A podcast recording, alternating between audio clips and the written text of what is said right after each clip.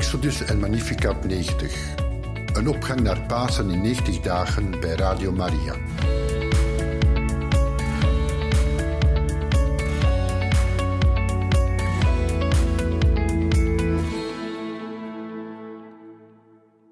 Beste luisteraars van Radio Maria, van harte welkom in het programma Exodus 90. Een geestelijke uittocht uit Egypte, een intocht naar het beloofde land. Starten we in gebed. In de naam van de Vader, en de Zoon, en de Heilige Geest. Amen. Heer, laat ons bidden voor ware vrijheid en verlossing van alle mannen in Exodus, net zoals zij bidden voor elk van ons. Onze Vader, die in de hemel zijt, uw naam worden geheiligd, uw rijk komen, uw wil geschieden op aarde zoals in de hemel. Geef ons heden ons dagelijks brood, en vergeef ons onze schulden, zoals ook wij vergeven aan onze schuldenaren, en breng ons niet in beproeving, maar verlos ons van het kwade. Amen. Uit het boek Exodus. De woning moet ge maken van tien banen, getwijnd linnen, en van paarse kamijnrode en scharlakenwol. Daarop moet een vakman kerubs borderen. De lengte van een baan moet 28 L bedragen, de breedte 4 L. Alle banen moeten dezelfde afmetingen hebben, en zij moeten vijf aan vijf worden samengevoegd. Maak vervolgens paarse lussen aan de rand van de buitenste baan van beide stukken, zodat de lussen precies tegenover elkaar zitten. Maak ook vijftig gouden haken en bevestig de banen met deze haken aan elkaar, zodat de woning één geheel wordt. Voor de tent over de woning moet je banen vervaardigen van geitenhaar. Elf van zulke banen moet je maken. De lengte van een baan moet 30 L bedragen, de breedte 4 L. Alle banen moeten dezelfde afmetingen hebben. Hecht vijf banen aan elkaar, de overige zes eveneens. De zesde baan moet je over de voorkant van de tent omslaan. Maak vijftig lussen aan de rand van de buitenste baan van de beide stukken. Maak ook vijftig koperen haken, doe ze in de lussen en voeg zo de beide tentdelen samen tot één geheel. Wat het overschietende deel van de tentbanen betreft, de helft moet je aan de achterkant van de woning laten afhangen. De L die aan de lange kant van de tentbanen overschiet, moet je aan beide kanten van de woning laten afhangen om die af te dekken. Maak voor de tent ook nog een dak van gelooide ramsvellen en daaroverheen nog een dak van fijn leer.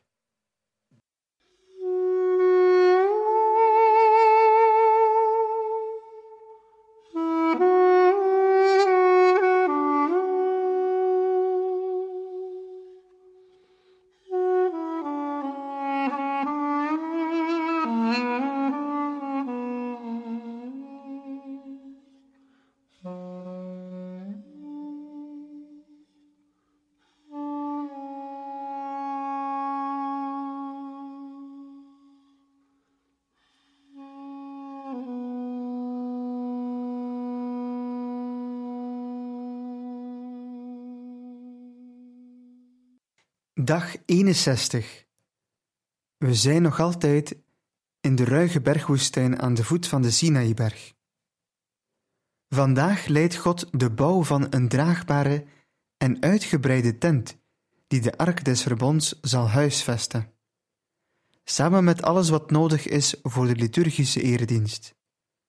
Er wordt ons verteld dat de tent, hoewel gemaakt van verschillende gordijnen en overkappingen, op zo'n manier aan elkaar gekoppeld zal worden dat het één geheel zal zijn. Dit is een aanwijzing van de Vader dat het universum bij elkaar wordt gehouden en altijd en voor altijd wordt gekenmerkt door een type eenheid. Kort voor zijn lijden bad Jezus vurig: Heilige Vader, bewaar ze in uw naam die u mij hebt gegeven, dat ze één mogen zijn, zoals wij één zijn. Christenen zijn allemaal gedoopt in het ene mystieke lichaam van Christus.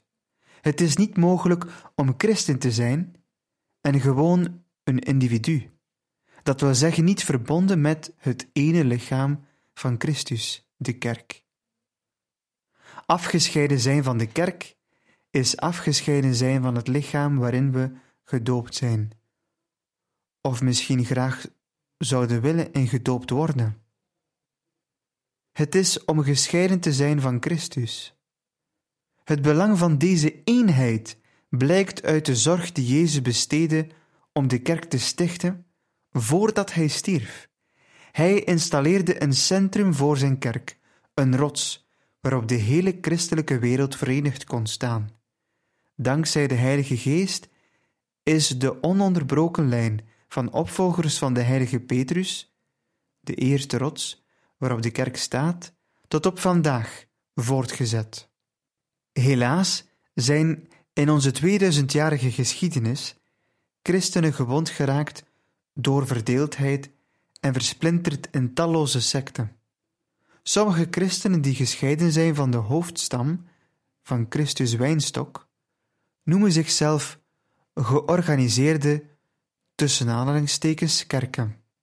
Sommigen willen helemaal niet geassocieerd worden met een georganiseerde kerk en kiezen voor de onwerkelijke staat van losjes onafhankelijke christenen. Als christelijke mannen moeten we de treurige realiteit van deze verbrokkeling van het lichaam van Christus erkennen en werken aan de hereniging van de kerk, het ene lichaam van Christus. Christus verlangt ernaar zijn kinderen in eenheid te zien leven. Satan schept er behagen in mensen tegenover elkaar op te zetten. Onze eenheid zou moeten spreken tot de waarheid van alles wat we geloven. Onze eenheid, inclusief de eenheid die we ervaren met onze Exodusbroeders, zou de kracht moeten hebben om elke storm te doorstaan. Dit is het moment om samen te trekken, strakker, sterker. Je hebt elkaar nodig om vrije mannen te worden en vrije mannen te blijven. Er bestaat niet zoiets als christelijk individualisme. Als mannen van Exodus willen we nooit een bron van verdeeldheid of oneenigheid zijn in de kerk. Omwille van de eenheid beloven we ons aan alles wat de kerk leert en gelooft dat waar is, daarvan te houden. Nemen we vandaag de tijd om met de Heer in dialoog te gaan over eenheid. Eenheid als de kerk, het mystieke lichaam van Christus. Mochten we problemen ervaren met de kerk, breng die dan voor onze lieve Heer en luister naar zijn liefdevol antwoord.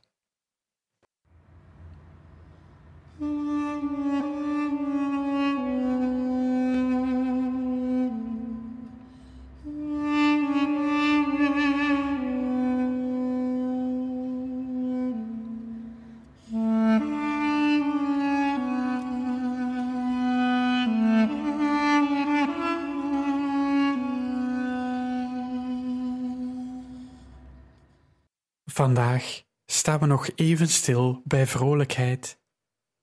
Dit kan niet genoeg benadrukt worden.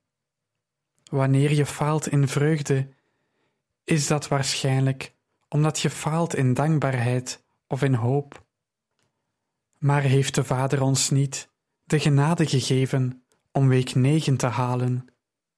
Ja, dat heeft Hij, en Hij zal ons trouw blijven tot in het beloofde land.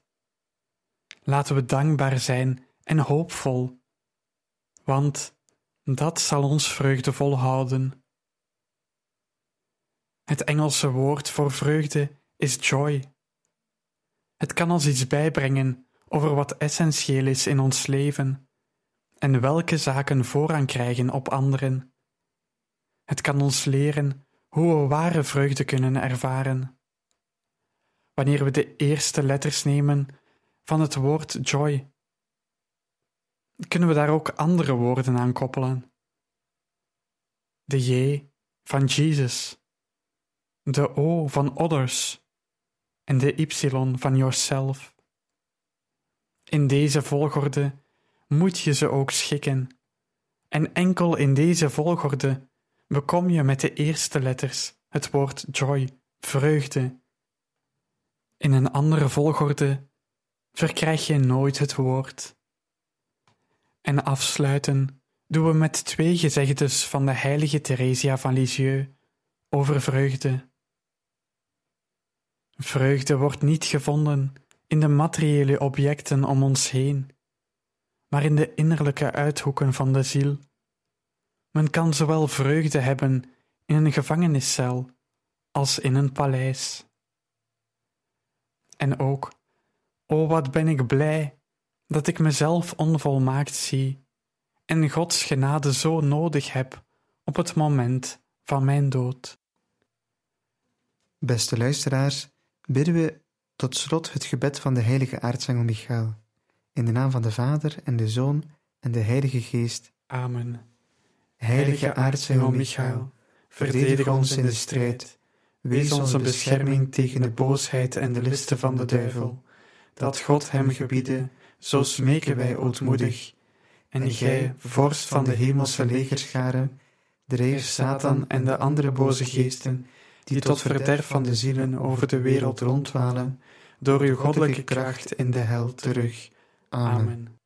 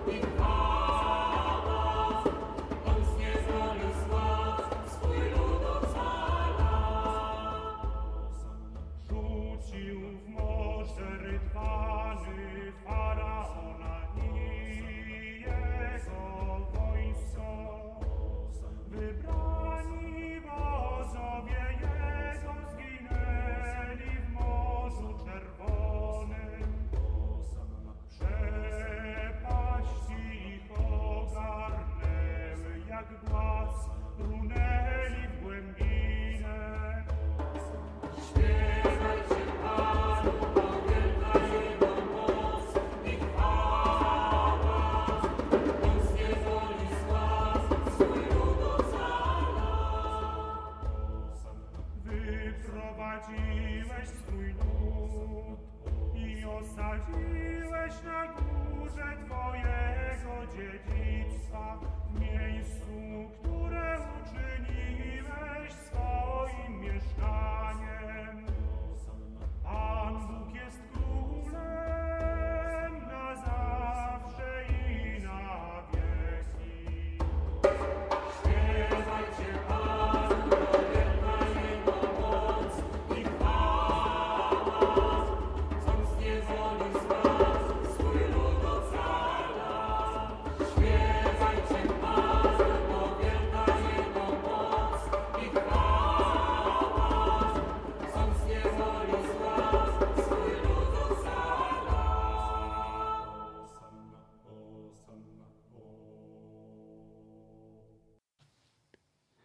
En zo, beste luisteraars, zijn we aangekomen aan het einde van deze aflevering. Ook geef ik nog graag mee dat alles te herbeluisteren is op onze website radiomaria.be. En sluiten we dan nog samen af in gebed. Onze Vader, die in de hemelen zijt, uw naam worden geheiligd, uw rijk komen, uw wil geschieden op aarde zoals in de hemel. Geef ons heden ons dagelijks brood en vergeef ons onze schulden, zoals ook wij vergeven aan onze schuldenaren. En breng ons niet in beproeving, maar verlos ons van het kwade. Wees gegroet, Maria, vol van genade, de Heer is met u. Gezegend zijt gij boven alle vrouwen, en gezegend is de vrucht van uw lichaam, Jezus. Heilige Maria, Moeder Gods, bid voor ons arme zondaars, nu en in het uur van onze dood. Amen. Eer aan de Vader en de, de Zoon en de Heilige Geest, zoals het was in het begin, en nu en altijd, en in de eeuwen der eeuwen. Amen. Tot morgen.